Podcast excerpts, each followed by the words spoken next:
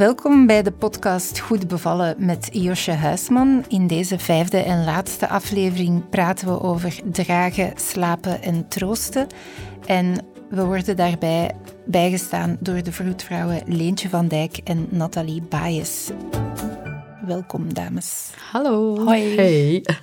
Een babytje, zodra het geboren is, laten we natuurlijk niet heel de tijd in de wieg liggen, maar we dragen er ook mee rond. In Vlaanderen wordt daarvoor vaak de kinderwagen gekocht, maar Josje, jij bent eigenlijk fan van de draagdoek. Ja, klopt ja. Ik ben enorm fan van de draagdoek. Niet alleen omdat het er leuk uitziet, maar omdat het ook mega praktisch is. En wat ik heb geleerd tijdens het schrijven van mijn boek, met gesprekken met draagconsulenten, dat het ook nog veel meer andere voordelen heeft. Voor de baby vooral. Dan kijken we naar een van die experten om die voordelen toe te lichten. Um, baby's zijn niet gemaakt om uh, op de rug gelegd te worden. Dat is een van de eerste dingen. Als we gaan kijken naar een babytje, um, als die net geboren zijn, um, dat zien we ook bij een pasgeboren baby. Uh, als je die neemt, dat die instinctief een, een houding aanneemt die zich er toeleent om, om gedragen te worden. En als we dan gaan kijken op neurologisch gebied um, en op, op gebied van vertering en temperatuur, dat die baby's veel, het veel beter doen. Die zijn veel stabieler. Spijsvertering werkt veel beter wanneer een baby gedragen wordt en rechtop gehouden wordt. Um, ook naar ontwikkeling van de heupen, naar neurologische ontwikkeling, naar gevoel voor evenwicht, naar ontwikkeling. Eigenlijk zijn we gewoon gemaakt om ons baby's te dragen en zijn baby's niet gemaakt om weggelegd te worden. Ja, er is, er is niet zoiets als alleen een baby. Er is altijd iemand bij, want een baby is gewoon reddeloos verloren als je die alleen laat. En ik denk, zoals ik in mijn boek ook uh, beschrijf, is dat alsof de baby in een soort spaarstand gaat zodra je hem draagt. Want hij hoeft zich niet meer druk te maken over van waar is mijn moeder? Waarom heb ik het zo koud? Waarom lig ik hier uh, in een kamer die ik niet ken? Terwijl als je hem draagt, voelt hij zich gewoon chill. En kan hij zich gewoon focussen op wat belangrijk is, namelijk uh, groeien. Ja, baby's zijn niet zelfregulerend. Die hebben eigenlijk iemand nodig om mee te gaan co-reguleren. Ja. Dus zo'n doek geeft een baby een enorm gevoel van veiligheid. Maar we hoorden jou ook al zeggen dat het voor de spijsvertering van de baby goed is. Leentje, is het echt in die mate dat je bijvoorbeeld ouders van een baby met reflux gaat aanraden van pak die draagdoek? Ja, zeker en vast. Wij gaan ook aan iedere ouder een uh, draagdoek aanraden. Nu, er zijn altijd ouders dat zeggen van het is helemaal niks voor mij. En nadat ze het een keer uh, geprobeerd hebben, vinden ze het wel tof. Dus we gaan het toch zeker wel, uh, zeker wel uh, meegeven aan ouders. Ja, een baby wordt er zo rustig van. Dat merkte ik echt tijdens die beginweken, maanden. Dat zodra je die oppakt en in de draagdoek zet... En ik, hoor nu soms nog zo... Echt een zucht, zo van oké, hier is het fijn, hier is het goed. En je kan gewoon overal ermee komen. Ik had zo'n stress met die, met die kinderwagen, jongen. Want hij lag daarin en binnen de vijf minuten was het weer huilen. Ik, kwam er niet meer weg. Nu dat mijn kind wat groter is en, en zo, uh, en rechtop uh, vooruit kan zitten, is een kinderwagen echt ideaal. Hè? Maar zo in die beginperiode, als het echt nog een baby-baby is, vond ik het helemaal niet handig. Ik vond het gewoon echt onhandig. Je haalt aan, Leentje, dat sommige ouders een drempel hebben. Ik denk dat dat er ook mee te maken heeft dat zo'n draagdoek er letterlijk ingewikkeld uitziet. Kan ik die wel goed en stevig aanbrengen? Want ik wil mijn baby toch zeker niet laten vallen. Hoe begeleid je daar mensen in? Wij gaan dat eigenlijk samen oefenen met mensen. In eerste instantie met een pop. En heel vaak doe ik het ook een keer voor dat ze het visueel zien, hoe dat je zo'n draagdoek nu eigenlijk bindt om dan samen te gaan doen, om dan in de allerlaatste stap het met een baby te doen. Mm. We laten het ouders ook heel vaak oefenen diezelfde dag, want eens dat ze het voldoende geoefend hebben, is het eigenlijk super makkelijk een draagdoek. Ja, in het begin is het wel inderdaad best wel spannend. Als die baby nog zo heel klein en, en uh, fragiel is, maar ik heb echt eindeloos geoefend van tevoren. Ik vond het te leuk. Ik had ook vet veel van die draagdoeken gekocht, waarvan ik er uiteindelijk altijd maar één en dezelfde gebruik, omdat die gewoon het, het, het is. Maar uh, eens als je goed hebt geoefend en de eerste keer de baby zit erin, dan ben je binnen een paar minuten ben je klaar.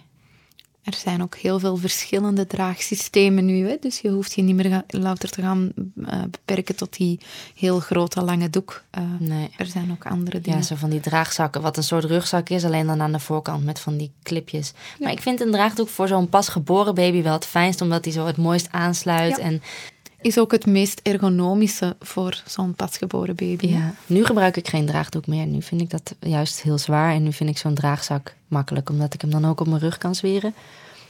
Waarbij oudere kinderen, als je gaat kijken, als je een kind opneemt, een ouder kind, een peuter of een kleuter, ehm, ga je die op je heup zetten. Mhm. Ehm, dat is een heel eh, intuïtieve houding dat we, dat we doen met, met iets oudere kinderen. En dan is een heupdrager wel heel fijn. Dus eh, Ja. die bestaan ook.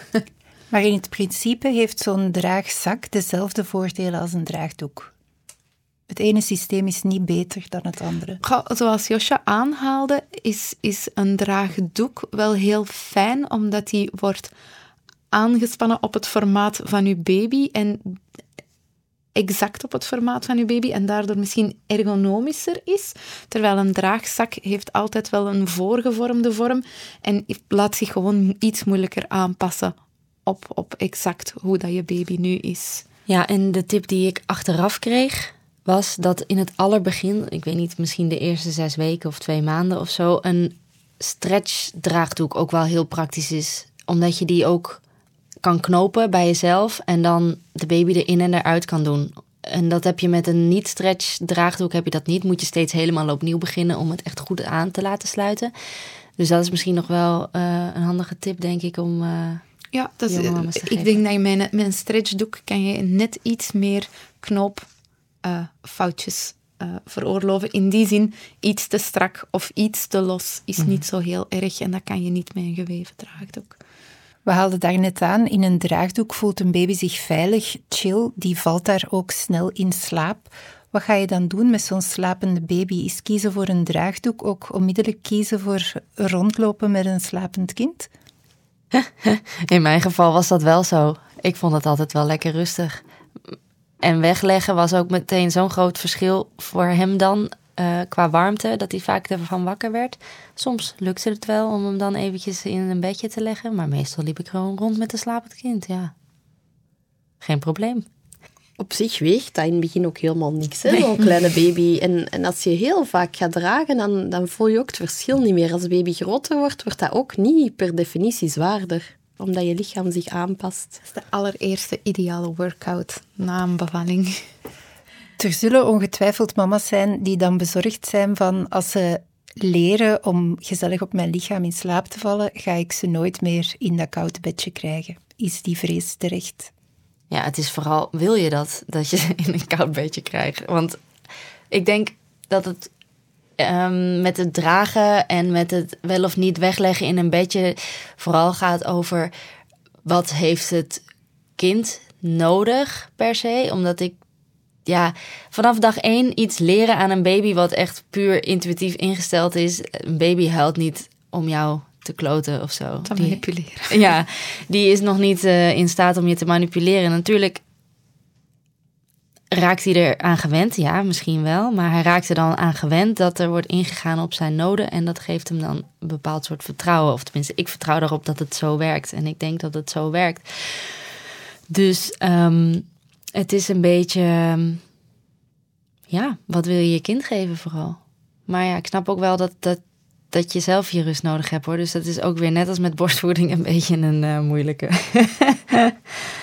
In jullie praktijk, welke tips geven jullie ouders van jonge baby's voor een goede slaaproutine?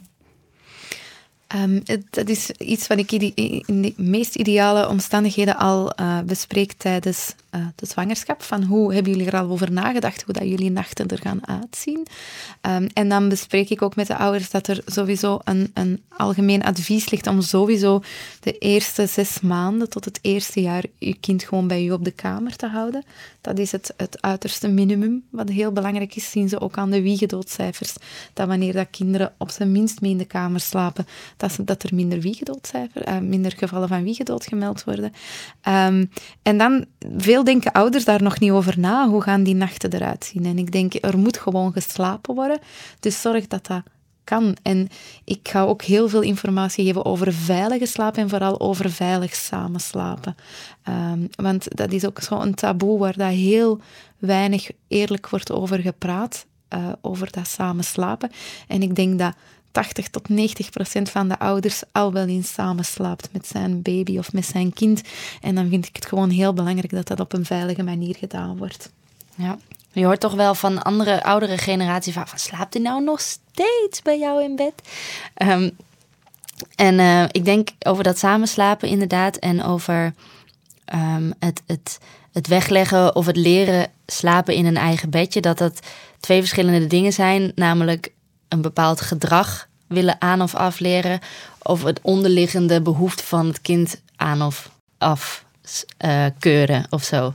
Um, ik moet altijd denken aan Nina Mouton en uh, Melanie Visser, die daar ja. echt heel veel zinnigs over te zeggen hebben. Dus dat is omdat ik laatst bij haar las van. Ga je in op een bepaald soort gedrag of leer je een bepaald soort gedrag af? Of ga je in op de onderliggende behoeften? En dat heeft dus over dat samen slapen. Of dat een kindje niet alleen in slaap kan vallen. Of dat hij nog steeds aan de borst komt drinken s'nachts terwijl hij al een jaar is. Ja, dat is misschien niet per se omdat hij die voeding nodig heeft om te groeien. Maar wel dat hij blijkbaar die nabijheid nodig heeft. En, en dat is soms best wel zwaar ook hoor. Om altijd in te blijven gaan op de behoeften van je kind. Want je wilt jezelf ook niet wegcijferen of zo. Maar ik moet zeggen dat eerst hadden wij een co-sleeper.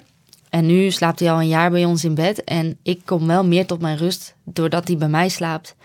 De eerste deel van de avond slaapt hij in zijn eigen bed. Of nou, hij heeft niet echt een eigen bed. Een soort ding wat we hebben. Een groot bed op de grond. we hebben ook helemaal geen kinderkamer. Maar goed, helemaal terzijde. Um, en dan s'nachts komt hij er gewoon bij wederom puur uit luiigheid, omdat ik gewoon geen zin heb om op te staan. Maar als je gaat kijken, apart slapen is ook iets heel cultureel bepaald. Vroeger waren er geen grote huizen met aparte kamers en aparte kinderkamers. Dan was er gewoon een slaapkamer waar heel het gezin sliep. En als je gaat kijken naar andere culturen, zie je dat alleen slapen eigenlijk over, over heel de wereld slaapt niemand alleen, bij keuze, toch niet? Nee, je slaapt ook samen met je partner. Ik slaap bij mijn partner en, en, en het is gewoon veel fijner. Ik slaap ook veel onrustiger wanneer dat mijn partner niet thuis is. En waarom verwachten dat dan van een kind dat, dat negen maanden in iemand heeft gewoond, omdat, om ineens alleen te gaan slapen en alleen in slaap te kunnen vallen? Ja, um, het is eigenlijk een soort, niet eens per se cultuur bepaald, maar meer een soort luxe van mensen die dat op den duur konden permitteren om een andere kamer helemaal in te richten, dan het is eigenlijk een luxe die geen luxe is. Ja, we praten nu heel sterk over de alleen of samen slapen, maar ik denk dat ook een belangrijke kwestie is van bij voeden kiezen we nu voor voeden on demand en niet op het klokje. Mhm. Maar bij slapen zijn er toch veel ouders die graag een routine met de klok zouden inbouwen. Maar ook hier is iets dat slaap, wij zijn pas gaan doorslapen omdat dat economisch interessant was eigenlijk zijn ook wij, volwassen mensen, niet gemaakt om door te slapen. En mensen die geen 9-to-5 ritme hebben, creatieve mensen bijvoorbeeld, denk maar aan heel veel schrijvers of muzikanten, of, die hebben helemaal dat ritme niet. Het is net in die nachturen, in die dark hours, die rustige uren, dat het voor heel veel succesvolle mensen heel fijn is om te gaan werken. En die slapen dan overdag weer een beetje bij. Als je gaat kijken naar, naar um, oudere culturen, voordat er wekkers waren, voordat er fabrieken waren, um, gingen, gingen die nachturen eigenlijk gepaard met het aansteken van vuur, um, een beetje praten, een beetje babbelen. En doorslapen is gewoon bij ons gecultiveerd omdat het economischer en rendabeler is dan wanneer dat we uh, ononderbroken zouden slapen. Maar die mama die ochtends op haar job moet zijn, die hoopt toch wel een paar uur slaap te pakken in de nacht. Zijn daar tips om haar bij te helpen?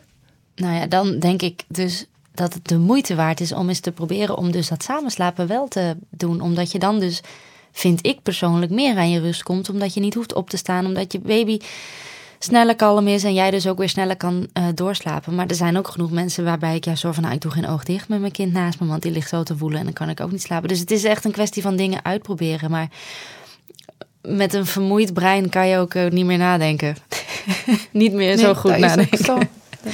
Hoe staan jullie tegenover slaaprituelen? Want dat wordt ook vaak als tip gegeven van maak een vast ritueel dat uw baby weet van als dit liedje komt, als dit lampje aangaat, dan wordt het slaaptijd. Geloven jullie daarin? Ik denk vooral als kindjes ouder worden dat je wel zo een ritueel kan maken. Uh, bij erg kleine kindjes denk ik dat het belangrijk is om het ook gewoon een beetje los te laten en niet ik, ik zie heel vaak in praktijk ouders dat overal de klok opzetten, dat alles bijhouden in appjes, dat constant aan timen zijn, ook bijvoorbeeld uh, met een baby aan de borst. En ik denk dat loslaten nog het allerbeste werkt. Gewoon meegaan met de flow van je kindje. Zoals dat Josje zei, alles een beetje gaan uittesten wat dat werkt voor jou en je gezin. Ik, ik uh, had gisteren bijvoorbeeld dat ik denk, ja, wat moet ik nou eigenlijk doen? Want ik, je, kan, je kan forceren heeft echt totaal geen nut. Want ik wilde mijn kindje in slaap krijgen. En we doen meestal gewoon wel zo een vaste volgorde van uh, tandjes poetsen, handjes wassen. Um, want dan uh, het slaapzakje aan, boekje lezen. Er gaat een bepaald lichtje aan inderdaad. Soms zingen we nog een liedje. En dan eh, krijgt hij zijn laatste voeding en dan gaat hij slapen. Maar gisteren was het niet zo. Hij was mega actief. Ja, wat ga ik doen? Hem neerleggen en slapen zul je? Dat doet hij niet. Dus hij heeft echt tot een uur of tien gewoon lopen spelen, lopen keten. En ik zat daar maar en dacht ik, ja, ben ik, nu, ben ik nu goed bezig, niet goed bezig? Ja, ik weet het eigenlijk niet. Maar ik weet wel dat ik mijn kind niet kan forceren om te slapen.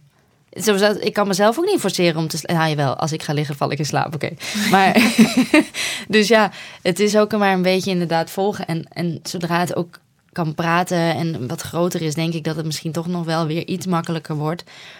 En dat het misschien fijn is om nog eventjes wat te spelen of eventjes de dag te laten passeren en dan te gaan slapen of zo. I don't know. Soms, soms doe ik ook maar wat. En dan weet ik ook niet wat wel of niet goed is. Maar het voelde voor mij gisteravond in ieder geval niet goed om hem te forceren te gaan slapen. Het duurde gewoon echt langer dan normaal. Daarnet, Nathalie, zei je, een baby kan zichzelf nog niet reguleren. Ik denk dat dat ook een argument is dat veel mensen gebruiken om hun baby op een slaapschema te zetten. Dat te zeggen van als wij duidelijk aangeven dat het nu rusttijd, nachttijd is en dat we niet ingaan op een beetje gehuil, dan zal de boodschap wel doordringen. Geloof je daarin? Ehm, nee, absoluut niet. Uh, ik denk dat dat een proces is dat uit zichzelf moet gaan komen bij een baby uh, of bij een kind. Dat, laat zich ook niet forceren. Er zijn ook hier weer heel veel onderzoek naar gedaan, naar wat dat het eigenlijk doet um, wanneer dat je een baby alleen laat uithalen. Um, en dan is vooral dat alleen een heel belangrijke factor. Um, hoewel dat werkte. Een baby in zijn bed leggen, deur dicht trekken en laten huilen totdat hij, totdat hij echt letterlijk uitgeput van het huilen in het slaap had. Dat, dat werkt. En na een tijd gaat dat kind ook niet meer huilen op het moment dat je dat in dat bed legt. Maar wat dat er eigenlijk gebeurt, is dat, die, dat, dat, kind zich gaat dissociëren. Die gaan eigenlijk zichzelf um, wegtrekken uit schakelen.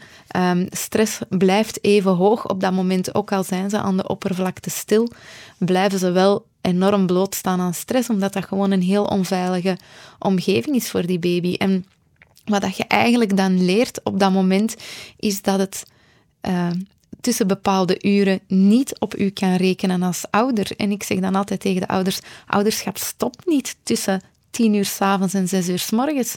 Dat loopt gewoon 24 op 24 uur door. En ik wil geen soldaten grootbrengen, maar kinderen en mensen en lieve mensen liefst, um, die weten dat ook al is het de drie uur s'nachts, wel gewoon altijd bij mij terecht kunnen. Uh, als, als ouder. Ik heb nu een bijna puber en ik hoop alsjeblieft, als hij binnen een paar jaar gaat beginnen weggaan, dat hij weet dat hij mij ook s'nachts mag bellen en dat hij ook mij s'nachts uit mijn bed mag zetten. Ja, ik, sinds ik dat weet, dat zijn ook dingen die ik tijdens het onderzoek voor mijn boek allemaal heb geleerd. Um, Melanie Visser met Wat een baby nodig heeft en het op zoek naar het verloren geluk of zo, weet ik veel. Dat zijn twee boeken die mij ook weer echt enorm hebben geïnspireerd en veel hebben bijgebracht, ook voor mijn eigen boek. Maar sinds ik dat weet, vind ik het gewoon zo hartverscheurend om een baby te laten huilen. Ook al doen ouders dat misschien met de beste bedoeling. Maar als je dat weet, of als je dat leest, dan kan je bijna niet anders dan, dan gehoor geven aan uh, wat je baby nodig heeft.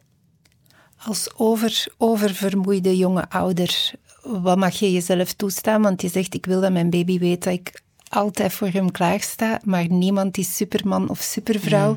Als we op ons standvlees zitten, wat mogen we onszelf dan toestaan? Hulp, hulptroepen inroepen. Um, ouders, schoonouders, zussen. Ehm, als, als je echt op je tandvlees zit, is het tijd om eerst voor jezelf te gaan zorgen. Zelfs liever daarvoor nog. Ja. Maar dan is het tijd om, om hulp in te gaan roepen. Want dat, dat is het ook. Het is alsof je als jonge ouders echt op je eigen eiland zit. En je moet het allemaal maar zelf zien te doen. Dat is eigenlijk ook niet hoe we zijn geprogrammeerd, maar wel hoe onze individualistische maatschappij een beetje is vormgegeven. Zo van, nou, wij in ons huis achter gesloten deuren, wij redden ons wel. Maar eigenlijk moet je als ouder, ben je niet de enige... Ja, tuurlijk, je bent verantwoordelijk voor je eigen kind, maar er zijn mensen om je heen. Je hebt familie, je hebt vrienden. Die mogen ook wel eens wat doen. Die mogen ook wel eens die baby vasthouden. Jij mag ook zeker tot die rust komen. En ik denk dat het misgaat in het gevoel van dat je denkt dat je, jij het allemaal alleen moet doen. Jij zit op je tandvlees, want jij bent de moeder. En ik heb zelf ook dat gevoel gehad van ik wil alles zelf doen en ik wil het zo goed mogelijk doen. Dat heb ik met heel veel dingen die ik doe. En ook met mijn baby. En dan merk ik soms ook dat ik er gewoon helemaal doorheen zit. En, en dat is niet de bedoeling. Je moet mensen om je heen hebben. En ja, dat heb ik ook niet altijd. Dat maakt het, dat maakt het ouderschap soms wel zwaar en vermoeiend. Omdat je het gevoel hebt dat je er alleen voor staat. Ja. Voilà, goed ouderschap begint met je goed te informeren, met bewuste keuzes te maken, maar toch ook met je te laten helpen, neem ik mee van deze aflevering. Wie de informatie nog eens wil nalezen, kan dat doen in het boek Goed bevallen van Josje Huisman, uitgegeven bij Van Halenwijk, een onderdeel van Belkmans Uitgevers.